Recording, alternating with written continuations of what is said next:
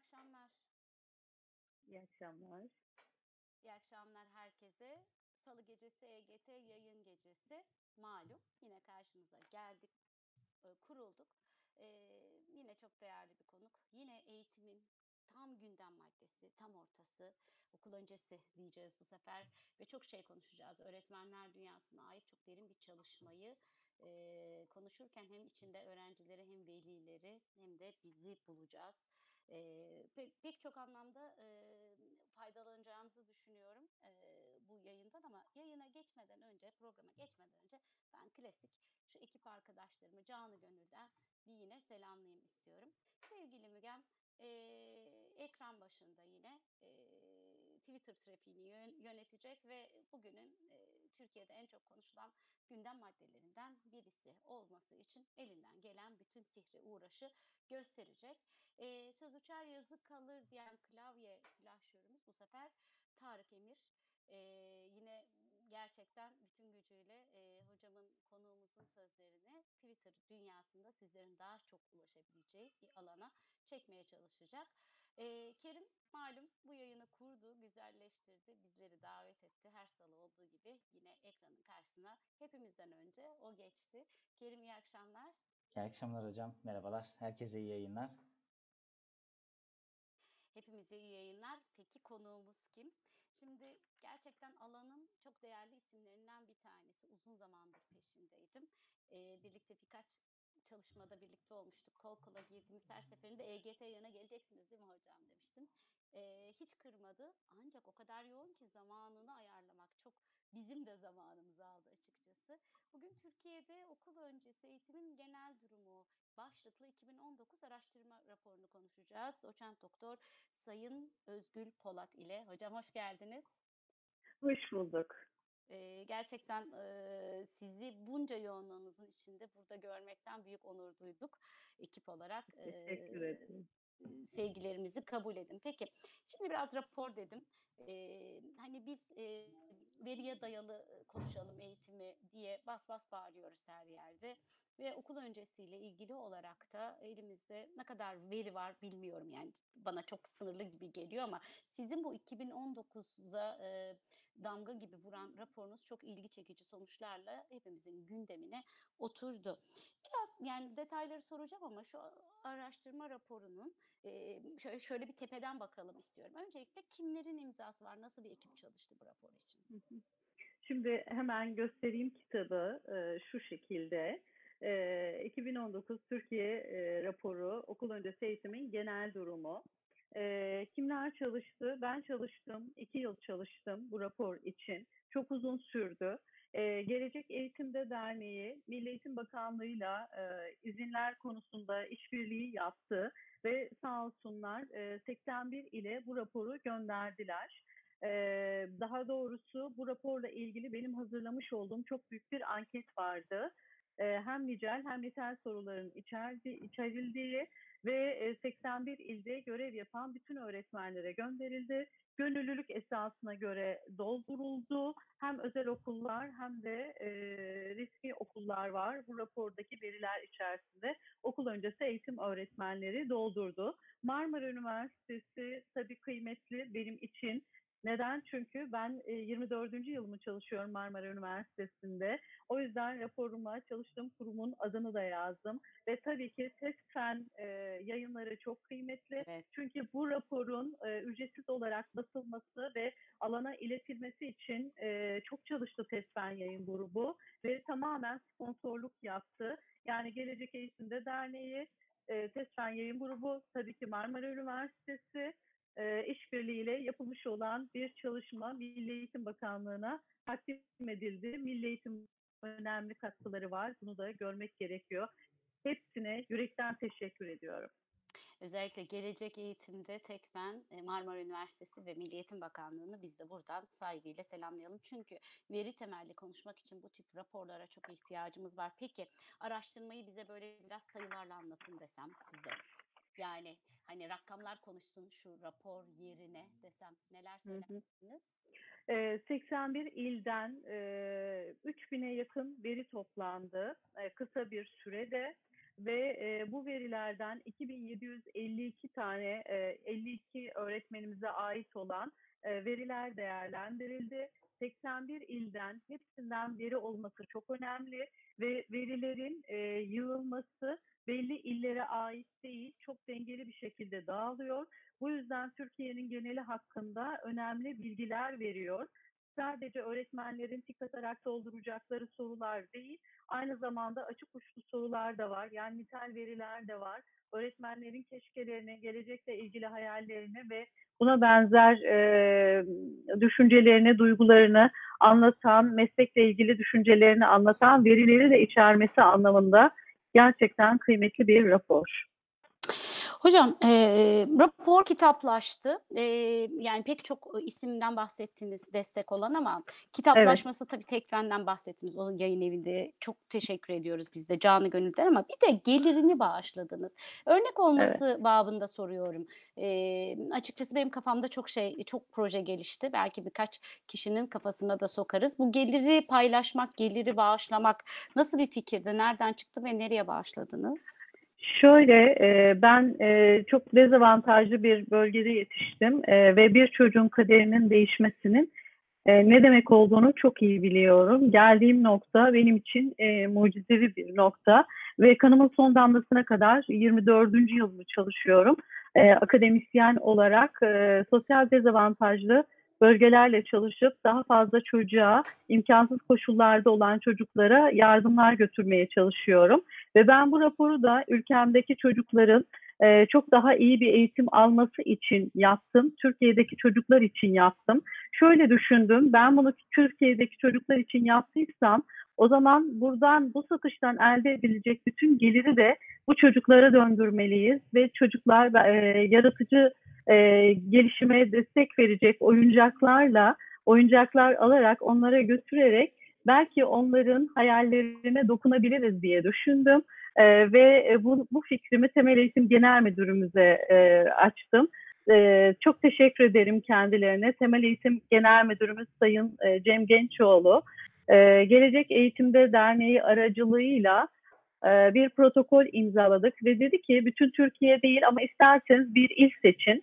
Şu an okul öncesi eğitimde gelişmekte olan, gelişimi daha az gibi görünen e, illerden bir tanesini seçtik. Şanlıurfa. E, Şanlıurfa'nın Haliliye ilçesinde e, okul öncesi eğitim kurumlarında e, kurumları için, buralara oyuncak götürebilmek için e, Haliliye ilçesi kaymakamlığı ve İl Milli Eğitim Müdürlüğü, ilçe Milli Eğitim Müdürlüğü ile bir protokol imzalandı bakanlığın izniyle ve e, Aralık ayında yapacağım e, ilk e, alımları projenin yürütücüsü benim. E, projenin sahibi TESFEN ve Milli Eğitim Bakanlığı, ha, özür dilerim, Gelecek Eğitimde Derneği ve Milli Eğitim Bakanlığı, sponsoru yine TESFEN.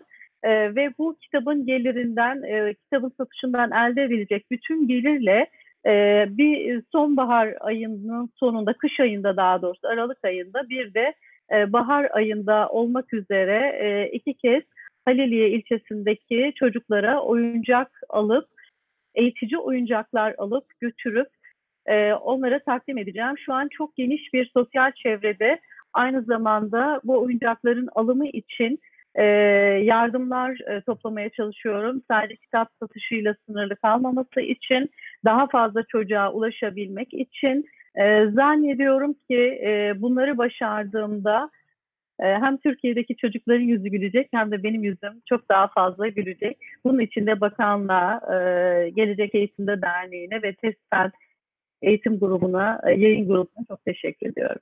Hocam yüzünüz o kadar çok gülüyor ve güzel gülüyor ki inşallah hiç solmasın. E, eğitim konuşmaya her zaman devam edin. Hadi şimdi gelin raporu biraz didikleyelim. Evet. E, bir, bu raporu nasıl okumalıyız? Bu raporun ana başlıkları neler? Siz bu raporu hazırlarken, bu araştırmayı yaparken e, ne umuyordunuz, neler buldunuz hocam? Ben sadece kürsüsünde oturan bir akademisyen değilim. 23 yıldır sürekli alandayım.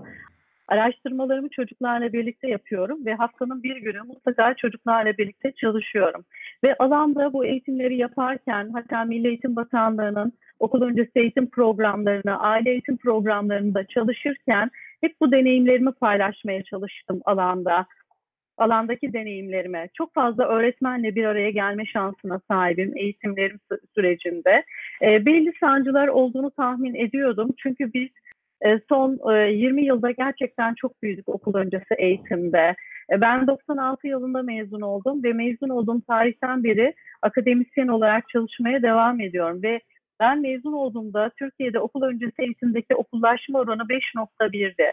Ve biz bunu ikili rakamlara ne zaman çıkarabileceğiz diye düşünüyorduk. Oysa şu an geldiğimiz noktada inanılmaz bir hızlı büyüme var. Ama bu hızlı büyümenin getirdiği sancılar da var. Yani biz nicelik olarak büyürken, sayı olarak artarken nitelik olarak da artmayı e, çok paralel e, başaramadık demiyorum. E, başardık ama sancılarımız var. Ama bu sadece bizim ülkemize özgü değil. Hızlı büyümenin her zaman getirdiği sancılar olur. E, bu da normal bir süreç aslında. Benim odaklandığım kısım aslında bizim bunları nasıl çözebileceğimize yönelik. Bu durum tespit çalışması da aslında e, okul öncesi eğitimin niteliğinin arttırılmasına yönelik olarak planlanmış olan bir çalışmaydı. Ama pozitif bilimdir bizim ışığımız. Elimizde büyük veriler, bilimsel veriler olmadan e, şunun şöyle yapılması demek sadece bir öngörüdür ama bu öngörünün temeli bilimsel platforma oturmalıdır. Şimdi raporda benim dikkatimi çeken tabii ki çok fazla şey var. Çünkü çok fazla alanda soru sordum. Ee, programla ilgili sorular var. Öğretmenlerin hobileriyle ilgili sorular var. Öğretmenin, öğretmenlerin almış oldukları eğitimler, ayrıca hizmet içi eğitimlerle ilgili sorular var. Yine eğitim ortamlarıyla ilgili sorular var. Donanım, teknoloji, rehberlik, psikolojik danışmanlık boyutu, e, bahçe aktiviteleri, e, öğretmenlerin e, e, yıl sonu gösterileri, sergileri, her şey aklınıza gelebilecek. Okul öncesi eğitim programı, e, bu programı nasıl hazırladıkları, ne kadar etkinlik e, düzenleyebildikleri, değerlendirmeyi yapıp yapmadıkları, aile katılımları, ailelerin okul öncesi eğitime gösterdikleri ilgiler çok fazla başlık var Ece Hanım. Yani evet. aslında okul öncesi eğitimi masaya yatırmış olduk biz. E, ve çıkan sonuçlardan e, birçok sonuçtan bahsedeceğim tabii ama e, burada lütfen bu sonuçlar sadece öğretmenlerimizin yaratmış olduğu e, bir eksiklik olarak algılanmasın. Çünkü hı hı. çok boyutlu düşünmek zorundayız biz. Burada üniversiteler çuvaldızı kendilerine batırmalı. E, gerekiyorsa evet bakanlığımız da çuvaldızı kendine batırmalı. Öğretmenlerimiz de, yöneticilerimiz de, ailelerimiz de. Yani eğer bir eksik varsa hepimizin eksiği e, bir güzellik varsa bu da güzel bir Hepimizin ekip çalışmasının evet. e, ürünü. Yani biz bir e, büyük bir aileyiz ve büyük bir takımız. E, bu sonuçları konuşurken e, kendinizi lütfen kötü hissetmeyiniz. E, çünkü e, güzel olmayan sonuçlarımız var ama e, güzel olan sonuçlarımız da var. Biz e, öncelikle bunları kabul edip bence e, yolumuza e, yeni rotalar çizerek, yeni, yeni yol haritaları çizerek devam etmeliyiz. E, ve e, işbirliğiyle bu eksiklerimizi gidermeliyiz. Neler yapmamız gerektiğine yönelik de önerileri sizlerle tabii ki raporda paylaştığım gibi hatta daha fazlasını buradan paylaşmaya çalışacağım. Peki hangi başlıklardan başlayalım? Neyi e, önce dile getirmek dersiniz? Şimdi neyi önce dile getirmek isterim? Ee, öğretmenlerin mezun oldukları eğitim kademelerine göre dağılımları var.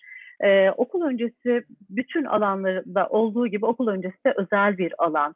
Ee, çünkü küçücük çocukları öğretmenlere teslim ediyoruz. Benim çok önemli bir ricam var tabii ki.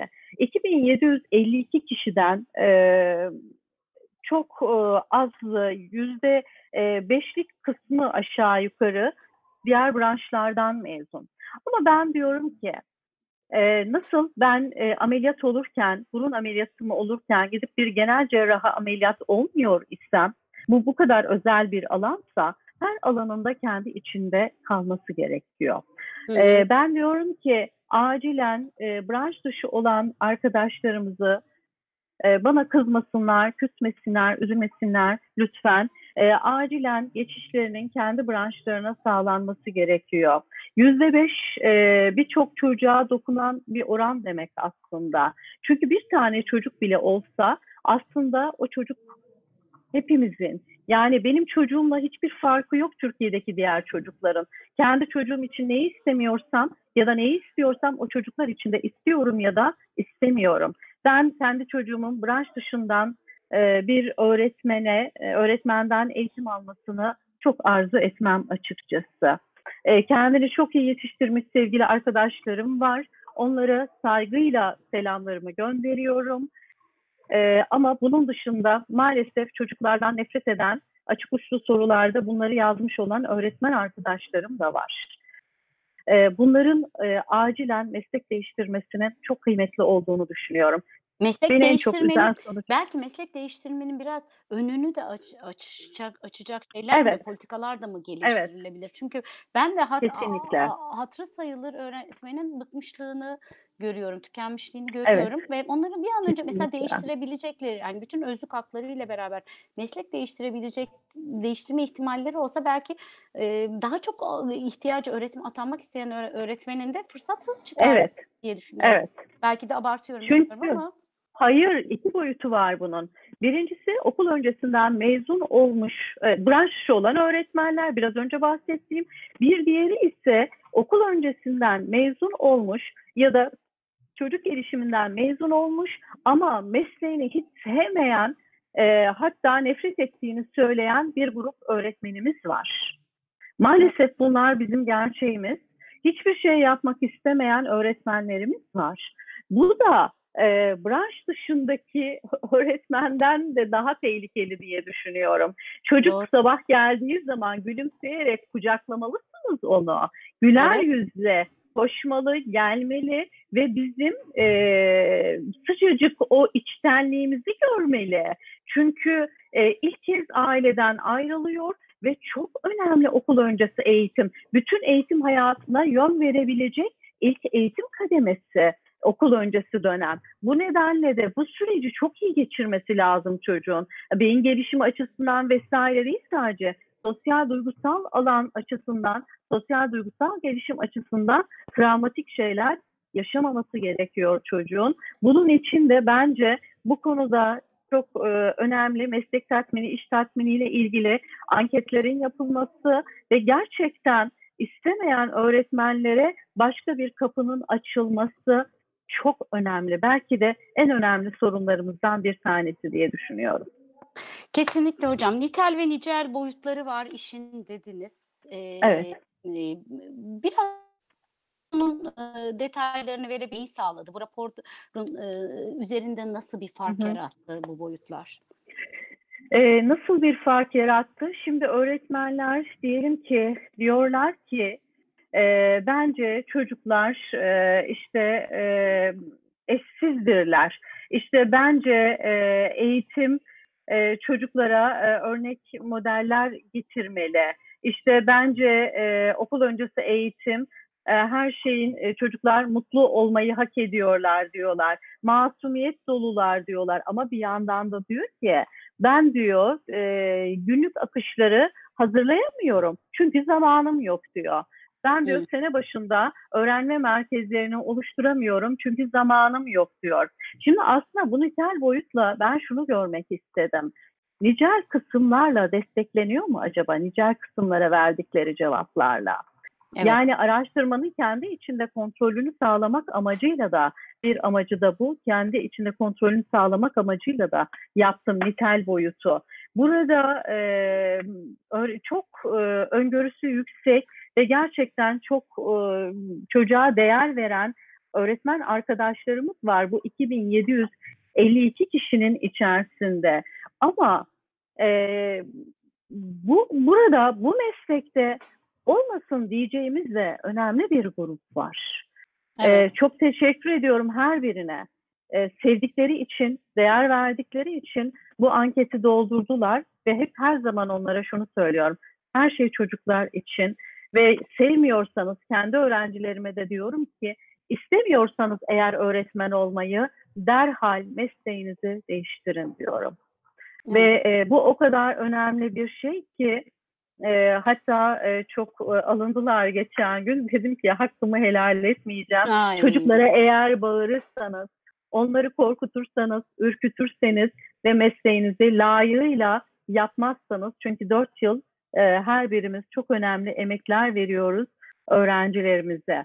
Nitel boyutlarda mesela öğretmenlerin kendi hayalleri var. Bu çok kıymetli. Bir grup öğretmenimiz var ki imkanım olsa nokta nokta koymuşum cümle tamamlama ne yaparsın diye. Evet. E, faydalı olmak isterim diyor. Okul açmak isterim diyor. Kişisel olarak kendimi geliştirmek isterim. Yurt dışına gitmek isterim diyor. Çocuklar için yeni öğretim yöntem teknikleri oluştururum diyenler var. Gerçekten bunlar da çok kıymetli. Yani rapor sadece olumsuz verileri ortaya koymuyor. Aynı zamanda bu alana gönül vermiş çok ciddi bir ekibin olduğunu da göstermesi açısından gerçekten çok ama çok kıymetli. Peki burada sayılar konuşuyor mu hocam? Hani çok ciddi bir ekip derken biz böyle bir hani hakikaten umut verici bir rakamdan bahsediyor muyuz? Yani ben kendi adıma merak ediyorum. Şimdi şöyle söyleyeyim Ayağımız taşa aslında. takılıyor mu yoksa çok? Ya şöyle bazen taşa takılıyor diyeyim. Genelleme yapmak çok istemiyorum. Bazen ise çok daha umutlu sonuçlar var.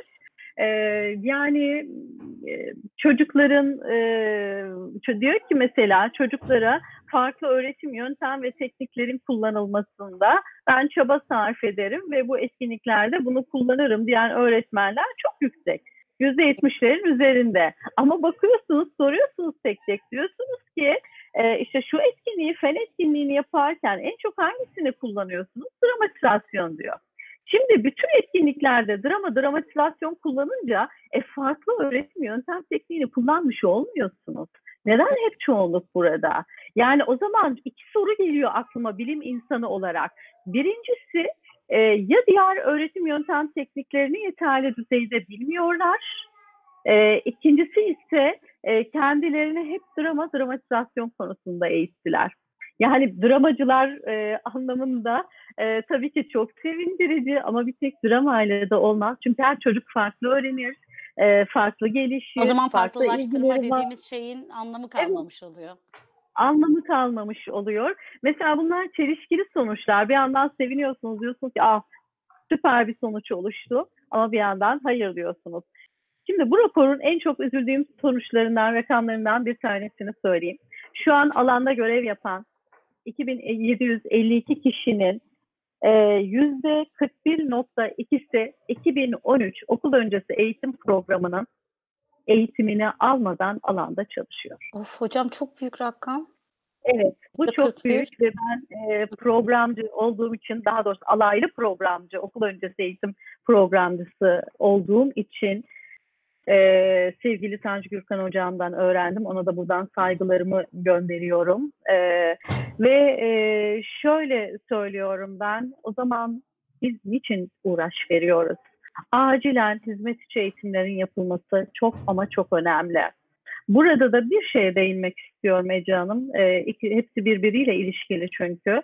Hizmet içi eğitim derken de gerçekten atölye çalışması şeklinde hizmet içi eğitimlerin yapılması, alan uygulamasını bilen akademisyenler tarafından bu eğitimlerin verilmesi, sınıfın içini bilen akademisyenler tarafından bu eğitimlerin verilmesi bir günlük değil, üç gün, beş günlük gerçekten ciddi ölçme değerlendirmelerle sonucun da tespit edildiği bir e, eğitimin yapılmasının çok önemli olduğunu düşünüyorum. Çünkü iki saatlik, üç saatlik çalışmalarla bu işin olmadığını, olamayacağını hepimiz gördük. Maalesef da bunu gösteriyor. Evet. Peki birkaç yorum ve soru okuya, okumama izin verir misiniz acaba? Buyurun lütfen. Betül Sarıcı hocam demiş ki evet bizim ülkemizde en yaygın şey bolca eleştirmek ama nasıl düzeltilmesi yolunda elini taşın altına koymak, koymamak kimse e, iğne, çuvaldız, e, iğne ve çuvaldız olayına girmiyor, batırmıyor demiş. Haklı. Güzel olanı hep kendine, kötü olanı hep başkasına atmak da değişememenin sebebi bence diye de eklemiş. Doğru. Doğru. Ee, İlkay Hocam okul öncesi ve daha sonrası için öğretmen çok önemli. Diye bir not söylemiş ve şöyle devam etmiş. Hiçbir dönemde öğretmenliği gerçekten sevmeyen hiç kimse öğretmenlik yapmamalı. Hani okul öncesi için okey ama hiçbir dönemde yapmamış ve devam etmiş. Demiş ki öğretmen sabırlı, çocukları seven, hoşgörülü, gözlem yapmayı bilen, farklılıkları fark eden, öğrenmeye ve öğrenmeye açık olmalı, açık bireyler olmalıdır demiş. Ee, iki tane arka arkaya sorum var e, bu yorumlardan sonra dikkatimi çeken. Buyurun. Ee, lütfen ikisini de okuyayım. Ben siz de sırayla cevaplayın.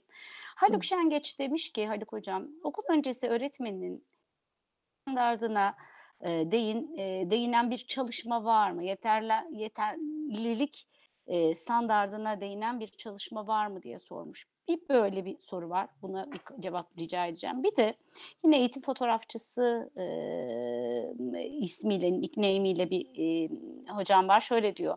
Okul öncesindeki erkek öğretmen oranının çok düşük olmasını dezavantaj olarak görüyorum. Bu olumsuz tabloyu değiştirmek için çalışmakla çalışmalar yapılmakta mıdır acaba demiş. Nasıl cevaplayalım bunları hocam?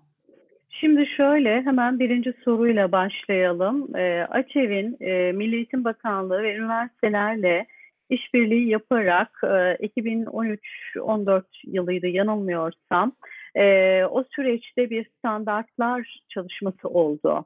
Milli Hı. Eğitim Bakanlığı işbirliğiyle ve her açıdan bir okul öncesi eğitim kurumundaki ve öğretmenlerin standartları e, hangi niteliklere sahip olmaları gerektiği çalışıldı.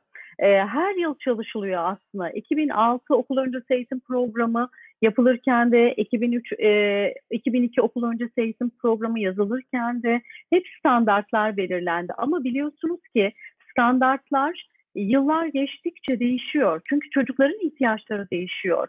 E, bizim toplumumuzun ihtiyaçları değişiyor. Dünya sürekli değişiyor, gelişiyor. Bizler de aynı şekilde. E, ülkemizin e, eğitim politikaları değişiyor.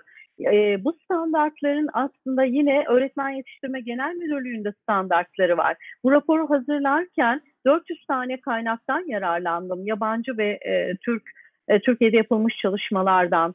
E, ve Öğretmen Yetiştirme Genel Müdürlüğü'nün de belirlediği standartlar var. Yani bunlar çalışılıyor ama bizim temel sorunumuz şu. Bu standartları e, uygulamaya geçirmekte sıkıntımız var. Bunun için de biraz önce e, konuşmamın başında söyledim. Bu bir ekip çalışması. Hı hı. Yani e, hiçbir şekilde sadece Milli Eğitim Bakanlığı bu işi başaramaz. Sadece üniversiteler bu işi başaramaz. Yani ya da sadece alanda olan öğretmenler bu işi başaramaz. E, hepimizin işbirliği yapması gerekiyor. Yani eğer üniversitelerde öğretmen yetiştirmede uygulanan program yeterli değilse o zaman çıktısı da yeterli olmayacaktır.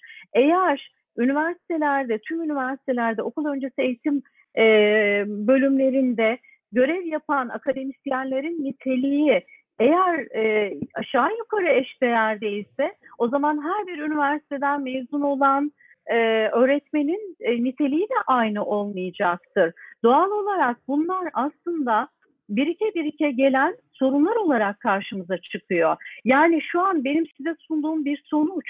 E, gerçekten sürece odaklanılması gerekiyor ve çok uzun uzun bir sürü başlıklandırarak, çok farklı başlıklar atarak biraz sonra bahsedeceğim onlardan bir sürü öneri e, oluşturdum. Ben elimi taşın altına iki yıl çalışarak çok büyük bir çalışmaya imza atarak koydum ve bundan sonra da 23 yıldır yaptığım gibi canımı dişime takıp çalışmaya hazırım. Ama bunun için gerçekten ciddi bir ekip çalışması gerekiyor. Çalışmaları yok sayarak bunu başaramazsınız. Bilimsel verileri yok sayarak. Siz Evet. sonuçları ortaya koyuyorsunuz ama sonuç çözümler için ekibe ihtiyaç var diyorsunuz. Tabii ki de çok, çok haklısınız. ekibe ihtiyaç var.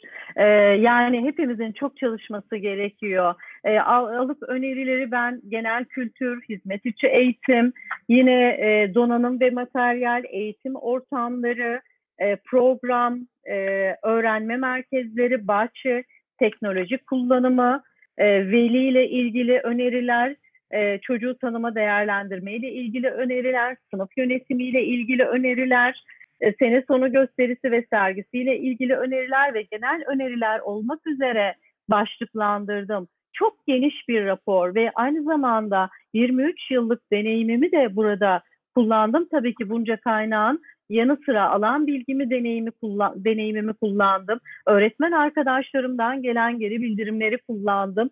Ee, aslında bizim öğretmenlerimizin sesini duymaya ihtiyacımız var. Kulaklarımızı kapatamayız. Zannetmesinler ki bu rapor yayınlandı. Sonuçta hiçbir şey yok. Sonuçta çok şey var ve çok şey olacak. Ama hepimizin birbirini kabul etmesi ve e, aynı yolda yürüdüğümüzü, aynı gemide yürüdüğümüzü kabul etmesi gerekiyor. Bu çok önemli çalışmayın çalışmanın etkili olabilmesi için. Peki öbür soru erkek öğretmenler.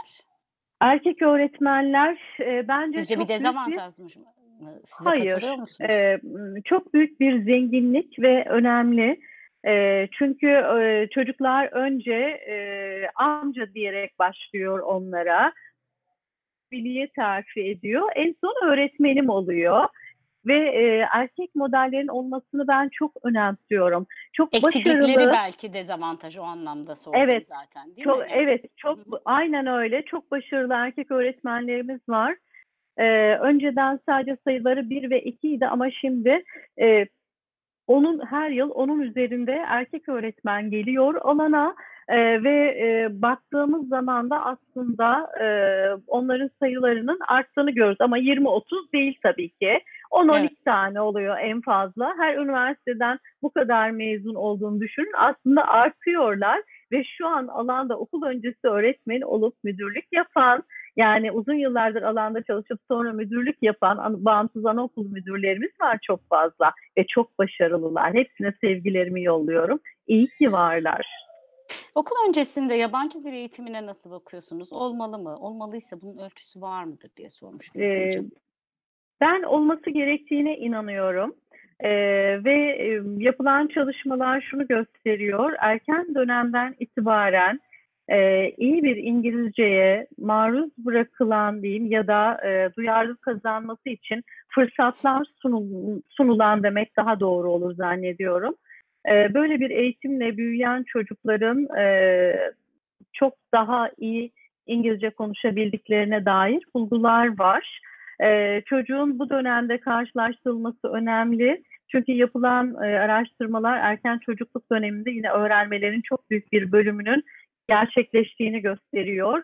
3 yaş için birazcık zor. Hani henüz dili çözmeye çalışıyor. Ee, ama 4 yaştan itibaren hiç değilse karşılaştırılmasının çok daha uygun olduğunu düşünüyorum açıkçası. Yine arka arkaya iki soruyu okuyacağım. Sonra da detaylara yine rapora döneceğim size e, soracaklarım var ama izleyiciler de çok kıymetli sorular paylaşıyorlar. İlkay Buyurun. Hocam demiş ki öğretmen yetiştirme sürecinde uygulama derslerinin mezuniyeti etkisi nedir? E, Okul öncesi öğretmenleri mezun olduğunda gerçekten öğretmen niteliğine sahip oluyorlar mı? Yoksa sınıfta girince mi öğreniyorlar demiş İlkay Hocam. Bir bunu aklımızda tutalım. Çok da iç, iç Hı içe hı. bir soru. E, Betül Sarıcan'ın da bir e, yorumu var. Onu okuyayım arkasından. Maalesef öğretmen yetiştirme konusunda sıkıntı var diyor Betül Hocam ülkemizde. Dediğiniz gibi her üniversite aynı nitelikte yetiştirmiyor diyor. Üniversiteden çıkan e, yani kaynağımız kaynağımız olan değil mi? Alanın kaynağı olan üniversitelerden çıkan öğretmenlerin uygulama anlamındaki niteliklerini nasıl yorumlarsınız? Şimdi e, uygulama alanındaki niteliklerin m, Zor soru kabul edin. çok yeterli olduğunu düşünmüyorum. E, şu an e, geçen yıldan beri uygulanmaya başlanan e, ve ikinci sınıf okuyor. Geçen yıl başlayan öğrencilerimiz, yeni programa göre başlayan öğrencilerimiz e, son sınıfta uygulamayla karşılaşacaklar ve bunun çok geç ve yetersiz olduğunu düşünüyorum. E, kendim e, anaokul öğretmenliğinden mezunum. E, Marmara Üniversitesi'nden ve e, yani saf okul önceciyim. Lisansım, yüksek lisansım, doktoram, doçentliğim hepsi okul öncesinden. E, ve ben ikinci sınıfta başladım e, staja. E, üçüncü sınıfta devam ettim. ikişer dönem. Dördüncü sınıfta da dönem başlarında 15'er gün ve aynı zamanda her hafta ikişer gün gidiyorduk 15 günden sonra ve inanılmaz bir e, uygulama içerisinden gelerek mezun olmama rağmen mezun olduğumda çocuklardan e, korkmak değil de çekiniyordum diyebilirim. e, tek başına kalmaktan. Çünkü sınıfta yalnız kalınca baş başa evet güzeldi, ilişki kurmayı öğrenmiştik bunca deneyime rağmen. Ama e, ilk zamanlar e, zor olmuştu ve ben e, üniversitede olmamın e, bütün açığını e, haftanın bir günü mutlaka çocuklarla 23 yıldır oyun oynayarak kapatmaya çalıştım ve ancak e, o zaman yani sınıfın içerisine direkt girip o sınıfın hakimiyetini aldığım zaman e, kendimi iyi hissettim. Yani bu kadar uygulama e, görmüşken, staj görmüşken, e, zorken sadece iki yıl döneme bırakılmış ya da sadece dört dönem eğitim alındığında görülen bir e, uygulama eğitimini e, gerçekçi olarak değerlendirmek gerekirse maalesef yeterli bulmuyorum. Peki, eee, yine çok güzel yorumlar, sorular var ama ben biraz rapora da dönmek istiyorum konuyu Evet. cover etmesi, eee, kaplaması açısından. Eee, öğretmenlerin keşkeleri var dediniz bana yayından önce. Hem Evet. raporu biraz açalım hem de şu keşkeleri Evet. biz bu, eee, EGT yayın vesilesiyle bir duyurmuş olalım. Neler diyor öğretmenler? Şimdi öğretmenler neler söylüyorlar? Diyor ki keşke yöneticim okul öncesi eğitimi biliyor olsa. Keşke yöneticim bana yıl sonu gösterileri yapayım diye baskı yapmasa. Keşke yöneticim benim sınıfımı düzenlemem için bana müsaade etse. Keşke e, beni daha fazla eğitimlere gönderebilseler. E, keşke okul öncesi öğretmeni olmasaydım diyen arkadaşlarım da var ama haksızlık etmemek gerekiyor. E, bu keşkelerin içerisinde gerçekten çok olumlu olanlar var. Mesela en fazla yüzde 36 ile fiziksel şartlar ve okul imkanları başlığı almış keşke e, keşkenin altında. Diyor ki e, keşke diyor sınıfım büyük olsaydı. Çünkü yüzde e, sadece 38'lik bir rakamdı. Tekrar hemen kontrol edeceğim. Sınıfın e, büyüklüğü, sınıf büyüklüğü e, yüzde 38 buçuğu e, çok uygun diyor çocuk sayısıyla. Çok uyumlu diyor. E, nicel bölümden elde ettiğim veriler. Yani yüzde 60'a yakın sadece yeterli büyüklüğe sahip diyor kısacası. E, sınıfın Ha, büyüklüğünün evet. çocuklarla olan oranın. İşte burada da öğretmenler bu yüzden en e, yüksek oranı e, fiziksel imkanların eksikliğinden yana olduğunu söylemişler. Yani sınıfımda daha çok materyal olsaydı, şöyle olsaydı, böyle olsaydı diyor. Yine e, öğretmen başlığı var bu keşkenin içerisinde. E, diyor ki keşke biz de e, teneffüs yapabilseydik.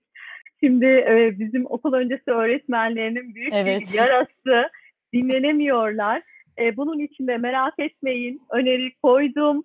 E, ve dedim ki lütfen yardımcı personel, yardımcı öğretmen olsun sınıfta. Hiç olmazsa her okulda e, iki tane olsun dönüşümlü olarak bu öğretmenlerimizi dinlendirsin. Fizyolojik ihtiyaçlarını karşılarlarken sınıfta olsunlar. E, bir nefes alsın öğretmenlerimiz. Çünkü biyolojik ihtiyaçlarımız da var. Doğal olarak sadece her sınıfta bir öğretmenin olması, orada 20 küsür tane çocuğun olması öğretmenlerimizi çok zorluyor ama hiçbir yardımcısı yok. Yardımcı personelle ilgili çok ciddi sonuçlar var. Yeterli değil yardımcı personel. O zaman bu öğretmen ne yapacak? Nasıl lavaboya gidecek? İhtiyaçlarını nasıl karşılayacak? Bunlar gerçekçi değil. İşte burada da demişler ki keşke teneffüsümüz olsaydı bizim. Ee, ve bununla ilgili başka şeyler de var tabii ki. Okul öncesi eğitimle keşkeleri olanlar var. Keşke okul öncesi eğitim e, hak ettiği e, desteği görebilseydi diyorlar. Ama haksızlık etmeyelim 2023 vizyonunda da çok güzel çalışmalar var. Ümit ediyorum ki bu çalışmalar başarıya ulaşır e, ve biz e, topyekun bir seferberlik ilan ederek okul öncesini en azından büyük yaş grubunda, 5 yaş grubunda zorunlu hale getirebiliriz. Yapılan çalışmalara da haksızlık etmemek gerektiğini düşünüyorum. İşte keşke daha çok e, anaokulu olsaydı demişler. Yine hayattan olumlu beklentiler var. Velilerle ilgili beklentiler var, keşkeler var. Keşke veliler anlayışlı olsalar. Velilerin anlayışsızlığından öğretmenlerimiz çok muzdarip. Aslında velinin anlayışıyla beraber bence onun altında bir ses daha var. Hani hissettiğim o ki güvensizliğinden de muzdaripler. Yani daha ilk haftadan aynen. öğretmenlere dönen okların, daha ilk dönemden öğretmenler hakkında verilen hükümlerin öğretmenlerin üzerinde büyük etkisi olduğunu düşünüyorum. Kesinlikle. Ee, bu da onlardan bir tanesi aslında. Karşılıklı olarak bir anlayışın olması gerekiyor. Ee, nicel soruların içerisinde de var. Ee, velilerin okul öncesiyle ilgili e, bilgilendirilmesi gerektiği, gerçekten bu bilginin yetersiz olduğu, bu nedenle de bazı çatışmaların yaşandığına dair söylemler var ve alandan e, kendi deneyimlerim de aslında bunun doğru olduğunu gösteriyor. Karşılıklı anlaşabilmek için her iki tarafın da aşağı yukarı aynı şekilde bakabiliyor olmaları gerekiyor. Anaokul öğretmenliği, okul öncesi öğretmenliği çok zordur gerçekten. Ee, ama anaokul öğretmenlerimizin de şunu bilmesi gerekir ki aileler de kendi canlarını emanet ediyorlar onlara. Kaygının olması çok anlaşılabilir bir durum ama bunları çözmek için bizlerin de öğretmenlerimizin yanında olması gerekiyor. Onlara ihtiyaç duydukları desteği de vermesi gerekiyor. Karşılıklı bir anlayışın olması gerekiyor. Valla ben e, nerede veliyi görsem ki hafta sonu Parent, Parent Talks için İzmir'deydim. Orada da aynı şeyi söyledim. Sizin öğretmene güvenmeden e, çocuğunuzu e, değişim değiştirmeye, geleceğini planlamaya şansınız yok. Gerçekten öğretmene İmkansız. Güvenmek zorundayız. Bu arada sevgili Müge yine e, yapacağını yaptı. E, bizim yayınımız EGT yayın Twitter'daki en çok e, izlenen yayınlar arasına girdi, etiketler arasına girdi. Çok teşekkür ediyoruz izleyenlere, yazanlara, çizenlere. E, somut öneriler dediniz. Tabii ki her raporun arkasından raporun mimarları oturuyorlar. E, biz bunu yaptık, şu kadar kişiyle konuştuk, yazdık, çizdik, alanda çalıştık ve bir de öneriler listesi geliştirdik diyorlar. Milli Eğitim Bakanlığı'na sundunuz mu somut önerileri? Tabii onu da soracağım ama elinizde neler var? Hangi çıktılar somut öneri olarak bizim karşımıza geliyor? Şimdi somut öneri olarak e, çıktılar çok fazla. E, şimdi öncelikle öğretmenlerin genel kültürleriyle ilgili önerilerim var benim. Ama onun da öncesinde aslında e, okul öncesine öğretmen alınırken sistemin değiştirilmesi gerektiğine inanıyorum. Öğretmenlik bir yürek işidir ve bir test sınavıyla e, çocuğumun öğretmeni e, olduğunu düşünemiyorum ben. Yani e, şöyle düşünün, çok isteyerek gelen bir öğretmenle e, 15. tercihinde ya da 10. tercihinde e, gelmiş olan bir öğretmen arasında gerçekten farklar oluşabiliyor. Hani hiçbir şey olmazsan öğretmen ol mantığı vardır ya. Okul öncesi öğretmenleri yurt dışında e, bazı ülkelerde e, aslında e, ön planda olan ülkelerde diyelim okul öncesi eğitimde ileri olanlarda beceriyle seçiliyor. E, öğretmen seçimi için bir performans e, değerlendirme yapılıyor. Yani sadece bir yazılı sınava de, dayandırılarak öğretmen alınmıyor. Bence bu sistemin acil bir şekilde değiştirilmesi gerekiyor. Asıl başarının da o zaman geleceğini düşünüyorum. Bir diğeri üniversitelerin gerçekten çok iyi öğretmen yetiştirmesi gerekiyor. Biz e, akademisyenler bence konuşurken çok dikkatli olmalıyız. Ben utanıyorum bazı sonuçları söylerken. Ben neyi yapamadım diyorum aslında. Neden biliyor musunuz? Çünkü eğer bir eksik varsa, bir hata varsa o zaman bu bölüşülmelidir, paylaşılmalıdır. Her şey öğretmenin suçu olamaz. Bu öğretmeni neden yetiştiremediniz diye sorarım ben olsam. Bana da soruyorlar. Ve ben de üzülerek cevaplarımı veriyorum. E, çuvaldızı kendime gerçekten batırdım. Neler yapabileceğimle ilgili hatta bu yılki projelerim de e, birçoğu bununla ilgili öğretmen arkadaşlarıma destek sunabilmek açısından. Bir diğeri Milli Eğitim Bakanlığı e, bir ölçme değerlendirme, e, standart performans değerlendirme getirmeli. Yani çok çalışan öğretmenle hiçbir şey yapmayan maalesef sadece masada oturarak çocukları yöneten, yarım günü dolduran öğretmenlerimiz var. Bunlara tanık oluyoruz. okullardayız ve görüyoruz çok iyi öğretmenlerimizin yanı sıra bu öğretmenlerimizin de ya alan değiştirmesi için bir yol açılmalı ya da çok sıkı bir e, izleme, değerlendirme, performans çalışmasıyla teşvik edilmeli. Bunu çok çok önemsiyorum. Genel kültürle ilgili önerilerim var. Neden genel kültürle ilgili önerilerim var? Geçen hafta büyük bir okul öncesi eğitim kongresindeydim. 6. Uluslararası Okul Öncesi Eğitim Kongresi düzenlendi ve e, bu camiada emek veren e, bütün duayenler o kongredeydi. Yeni genç arkadaşlarımız da o kongredeydi. Orada sunulan bildirilerden e, birkaç tanesi şununla ilgiliydi. Öğretmenlerin genel kültürlerinin e, boş zamanlarını nasıl geçirdikleriyle e, mesleki motivasyon arasında çok pozitif bir ilişki var. Yani öğretmenlere zaman zaman mesela büyük şehirde bunları e, bunlara ulaşmak hem çok kolay ama bir o kadar pahalı bir iş.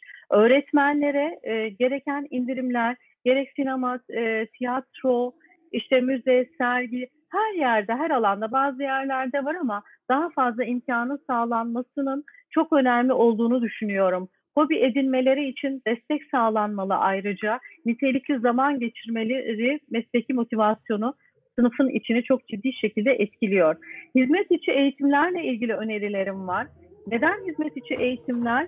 Çünkü biz mezun olduktan sonra e, sürekli yeni gelişimler, değişimler oluyor. Bakın programı bile aşağı yukarı 5 yılda bir yeniliyoruz. Neden? Yeniliyoruz. Çünkü çağ değişiyor. O zaman öğretmen neden yenilenmiyor?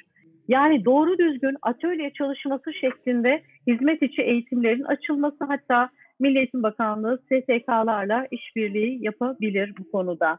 Programla ilgili çok önerim var. Çok fazla önerim var. Ee, 21 tane öneri yazmışım programla ilgili olarak. Ee, çünkü e, programın doğru anlaşılmadığını düşünüyorum. Gördüğüm uygulamalardan her hafta okullardayım ben. Hem izliyorum hem çocuklarla oynuyorum ve görüyorum ki öğretmen hakim değil bu programa. Çocuk merkezli programların uygulanması için öğretmenleri çok ciddi şekilde eğitmeliyiz. Kağıt üzerinde çocuk merkezli bir programımız var ama ne yazık ki uygulamada öğretmen yönetimli bir programımız var. Bu zihniyetten kesinlikle vazgeçmeliyiz. Yani bizi yurt dışında okul öncesi eğitimde ileride olan ülkelerden ayıran en temel e, boyut bu. E, zihniyet farklılığı. Orada tamamen çocuk merkezli eğitim yapılıyor ama bizde çocuk merkezli programlar var. Fakat Milli Eğitim Bakanlığı'nın programı da 2013 programı da çocuk merkezli bir program ama uygulamada maalesef öğretmen merkezli. Kızmayın bana sevgili öğretmenlerim. Çünkü ben de bir öğretmenim ve öğretmen olmaktan gurur duyuyorum. Sizden birisiyim ama bunlara dikkat etmemiz gerekiyor. Çocuğun kendisi olmasına izin vermiyoruz. Bakın bir soru sormuşum. Demişim ki program çocuğun yaratıcılığını ortaya koyabiliyor mu? Sadece yüzde on sekizi evet diyor. Oysa ki program Programda tamamen çocuğun Evet. Evet, değil aslında. Çocuğun yaratıcılığını ortaya e, koymaya yönelik olarak hazırlanmış bir program ama anlaşılmamış. Anlaşılmamış. Sadece yüzde on sekizi e, bunu anladığını ve programın gerçekten yaratıcılığı açığa çıkardığından bahsediyor. O zaman biz akademisyenler olarak da düşünmeliyiz. Bakanlık da düşünmeli. Neden anlatamadık acaba biz programı?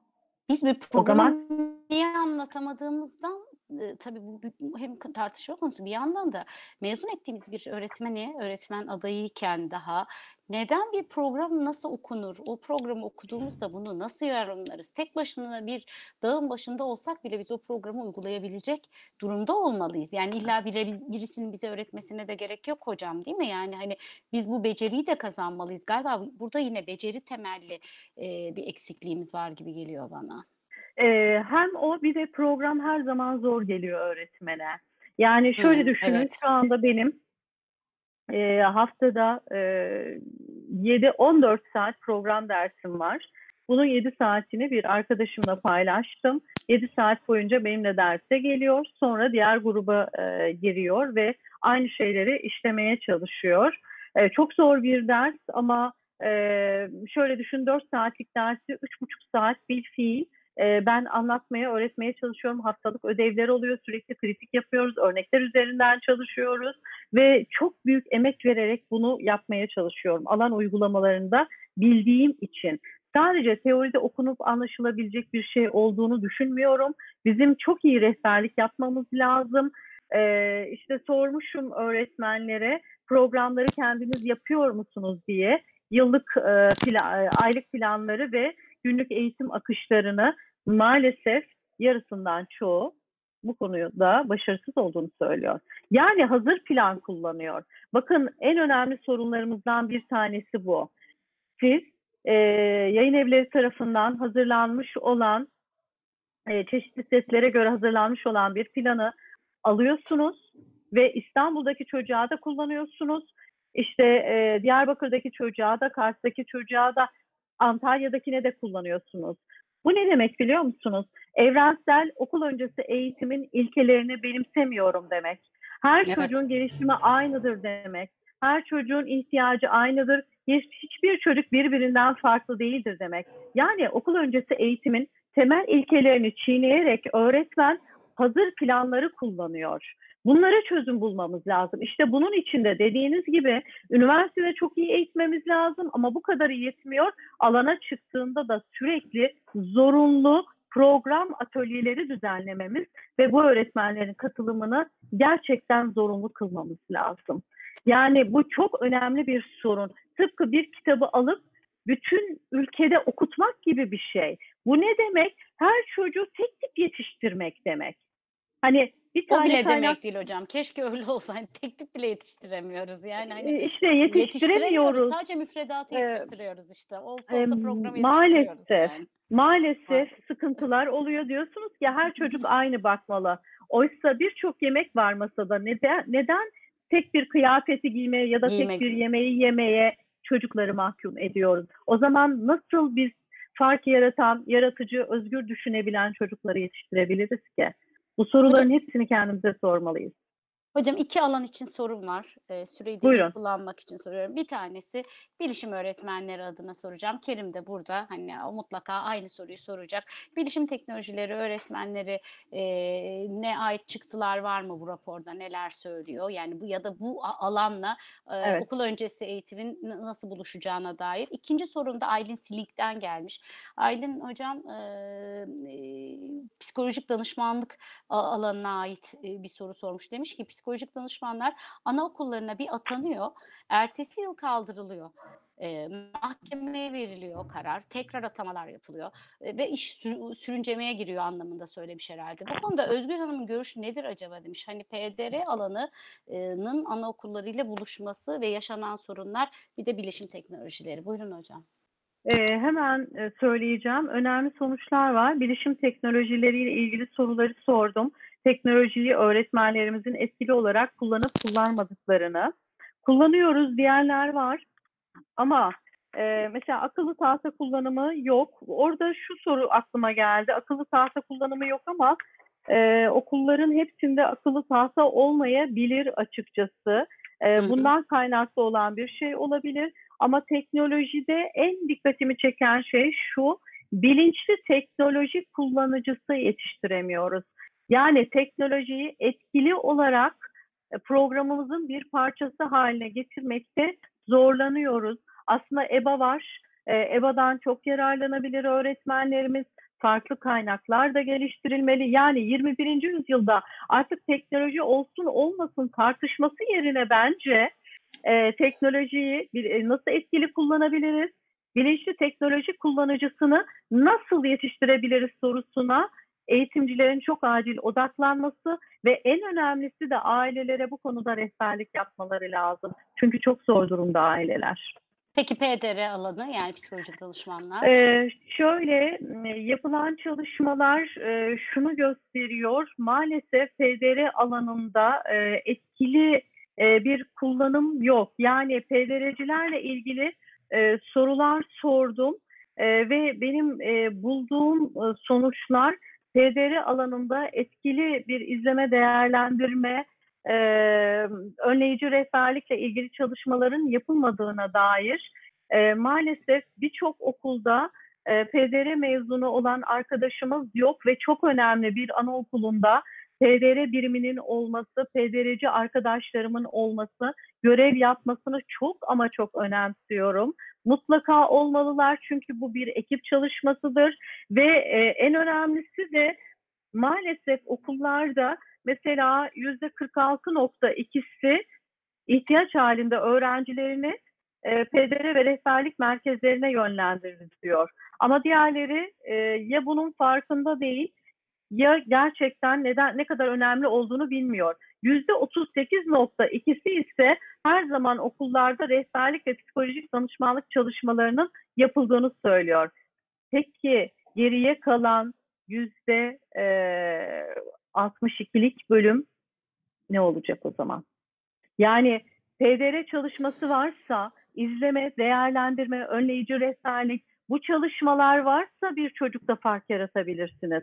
Sadece e, normal e, ihtiyaç olan çocuklar için değil, bütün çocuklar için BEP'ler hazırlanmalıdır. Bütün çocukların bulunduğu düzey e, pozitif bilim araçlarıyla tespit edilmelidir. Ondan sonra e, programların ağırlık noktası değiştirilmelidir. Çünkü bir sınıftaki çocukların ihtiyaçlarıyla yan sınıftaki çocuğun e, ihtiyaçları farklı oluyor. Bunu da sadece gözlemlerle maalesef ki başaramayız ve bunlar için de gerçekten PDR'ci arkadaşlarımıza çok ama çok ihtiyacımız var. Ama burada başka bir boyut daha var. PDR'ci arkadaşlarımızın e, müdür olarak atanması e, kısmında e, bazen sıkıntılar oluşabiliyor. Çok arkadaşım var. Benim de bir ölçeğim olduğu için ve eğitimini verdiğim için sürekli olarak okul olgunluğu ölçeğim. E, çok arkadaşım var. PDR ve psikolog e, arkadaşım, PDR'ci ve psikolog arkadaşım. Ve orada şunu görüyorum ben. E, PDR'den mezun olan e, arkadaşlarım alanın ihtiyaçlarını ya da öğretmenlerimizin ihtiyaçlarını e, zaman zaman tespit edemeyebiliyorlar da. E, çünkü e, 4 yıl boyunca sadece okul öncesinde yoğrulmak, bu eğitimi almak tabii farklı donanımlar kazandırıyor bize. Biz nasıl PDR'ci olamıyorsak, PDR'ci arkadaşlarımızın da bizim kadar okul öncesini bilme şansı yok. İşte zaman zaman çok iyi kendini yetiştirmiş müdür arkadaşlarım var ama bir kısmı da e, öğretmenlerimizle aynı yolda kol kola maalesef yürüyemiyorlar müdürlük anlamında eğer soruluyorsa orada bir alan deneyiminin gerekli olduğunu düşünüyorum. Ee, biraz önce ölçeğinizden bahsettiniz, okul olgunluğu ölçeği ve hazırda yeri geldiği ise hani bu ölçeğin üzerinden yeni kitabınızdan da bahsetmek isterim. Ee, buradan da yine kapağını bana gösterdiğiniz gibi paylaşırsınız. Beni heyecanlandırdığınız gibi izleyenlerimizi de heyecanlandırırsanız çok memnun olurum. Bugün geldi elime. Ee, okula uyum ve erken okur yazarlık eğitim, eğitimi üst küçük başlık olarak da adım adım ilkokula başlamak istedim. Ee, çok güzel bir ekip çalışması, farklı üniversitelerden çok değerli e, akademisyen arkadaşlarımla yazdım bu kitabı. E, hepsine sonsuz teşekkürler ediyorum. Ana yayıncılıktan çıktı, e, yayınlandı ve 23 yıllık deneyimle 23 yıldır okul olgunluğu çalıştığım için ona göre bir içerik hazırladım. Sevgili arkadaşlarım da içine çok güzel doldurdular. Ne Ee, güzel. çok taze yeni bir çalışma. Ee, benim ölçeğim Marmara İlköğretim'e hazır oluş ölçeği. Ee, doktora e, tez çalışmam sırasında geliştirdim. En önemli farkı nedir? Ee, bizim ülkemizdeki çocuklar için geliştirilmiş ve standartize edilmiş çok büyük bir kitleyle e, 1800 kişiyle çalıştım. 1002 tane veriyi kullandık. E, Standartize edilmiş bir ölçek. E, binin üzerinde sertifikalı kullanıcısı var. Gerek ilkokula çocuk alınırken gerek 5 yaş çocuklarına büyük gruplara uygulanıyor. E, senede iki kere olmak üzere e, çocuğun e, eksik olduğu alanları tespit edip ilkokula hazırlıkta e, onu uygun bir program hazırlayarak destek sağlamak açısından ve eşit fırsatta çocukların ilkokula başlaması için önemli destekler sağlıyor bu ölçek. Peki son bir sorum daha var. Özlem Buyurun. Berber demiş ki artık veli merkezli bir eğitim de var demiş. Hani biz öğrenci merkezli, program merkezli eğitimlerden bahsediyoruz ama velilerin çok ilginç beklentileri ve hedefleri var demiş. Hilal e, hocam da şöyle bir şey yapmış. Hani anaokulunda, okul öncesinde e, şu gösterilerden vazgeçelim artık diye bir veryansın etmiş. Hatta kendi e, çocuğundan da bahsetmiş. E, velilerin baskısıyla cevap veriyor tabii a, diğer izleyicilerimiz ona da. Veliler e, çok baskı yapıyorlar bu konuda diyor e, Hilal Hanım'ın ve e, Özlem Hanım'ın yazdıklarına. Siz neler söyleyeceksiniz? Belki bizi izleyen bir iki veli de varsa bu vesileyle onlara da ışık tutmuş olalım. Ee, öncelikle e, yine söyleyeyim veliler de bana kırılmasınlar. Ben bir e, ama e, hep şunu söylüyorum. Diyorum ki mesela karşımdaki velim e, bir doktorsa diyorum ki e, ben sizin yerinize ameliyata girsem cerrahsa ister misiniz? Hayır istemem çünkü uzmanlık alanınız değil diyorlar. Peki o zaman siz için e, bizim alanımıza bu kadar müdahil oluyorsunuz diyorum. Bu da sizin uzmanlık alanınız değil. Uzmanlık alanlarına mutlaka ve mutlaka saygının gelişmesi lazım. Ee, öğretmen arkadaşlarımı bu konuda evet velilerin çok zorladığını biliyorum alanda olan biri olarak. Ama ben hep onlara diyorum ki siz durmalısınız. Çünkü bu alanın uzmanısınız. Siz karşılarında eğilip büküldükçe e, saygısızlık yapmaktan bahsetmiyorum. Ama bilgide bir yanlış varsa güzel bir üslup, üslupla neden olmadığı konusunda veliyi ikna etmeliler bence. Evet. E, bunun için de kendilerini çok iyi doldurmalılar. Sene sonu gösterilerine e, yani veli yönetimli asla olmamalı ama veli katılımlı olmalı. E, değerli veliler de okulun kendilerini yönlendirişine göre aile katılımlarına destek vermeliler. Çünkü velilerin yarısı bile tam olarak ailelere, e, okuldaki çalışmalara katılmıyor maalesef. Şimdi e, sene sonu gösterileriyle ilgili elde ettiğim veriler ve sene sonu sergileriyle ilgili sadece öğretmenlerin 21.2'si hiçbir zaman sene sonu gel sergisi yapmıyor. Bakın sadece 21.2'si. %80'i yapıyor yani. %80'i yapıyor. Ama e, onları buna iten nedenler var. Diyorlar ki mesela e, sene sonu gösterisi yapan arkadaşlarım bunların %43.8'i yıllık değerlendirme için yapıyorum ben diyor sene sonu gösterisine. Halbuki değerlendirme için sene sonu gösterisine hiç ihtiyacı İhtiyaç yok. yok. Evet.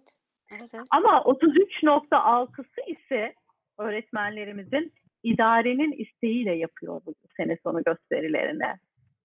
Yani aslında idarecilerin okul öncesi eğitim konusunda eğitilmesi çok önemli. Özellikle ana sınıfına, e, ilkokullara bağlı olan ana sınıfları için sevgili hocalarım, sevgili müdür, eğitimci hocalarım, rica ediyorum sizden e, lütfen okul öncesine sadece para kazanılan, e, o paraların başka yerlere harcandığı ve ne oluyor ki sadece oyun oynuyorsunuz dediğiniz bir yer haline getirmeyin. E, sürekli bana Instagram'dan, DM'den mesajlar geliyor, Messenger'dan öyle, Face'ten öyle. Elimden geldiğince cevaplamaya çalışıyorum. E, en son gelen mesajlardan özellikle 15-20 tanesi sınıfların 34'e kadar çıktığıyla ilgili. Gerçekçi Of. değil. Evet. Gerçekçi değil. 20 iken e, 20 tane bile çok çok zor.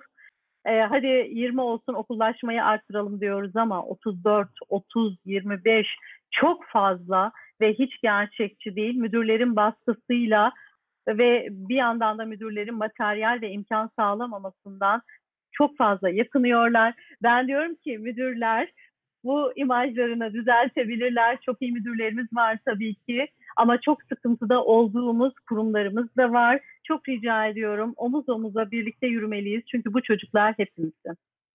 Ee, yayını kapatıyorum izninizle ama ben de bir alışkanlık oldu. Böyle son anlarda gelen güzel sözler bulursam e, izleyicilerden mutlaka birini kullanıyorum. Hem ismiyle anıyorum onu hem de teşekkür ediyorum. Bu gecenin son cümlesini Nermin El- e, Elmas'ın bir alıntısı yapmış olsun. Nermin hocamı da buradan sevgiyle ve saygıyla selamlıyorum. Maria Montessori'nin bir sözünü paylaşmış. Aslında çok basit ve çok bildik bir söz ama bir kez daha duyalım. Hakikaten bütün benliğimizle hissedelim istiyorum. Demiş ki okul öncesi eğitimin asıl amacı çocuğun doğal öğrenme tutkusunu canlandırmak olmalıdır.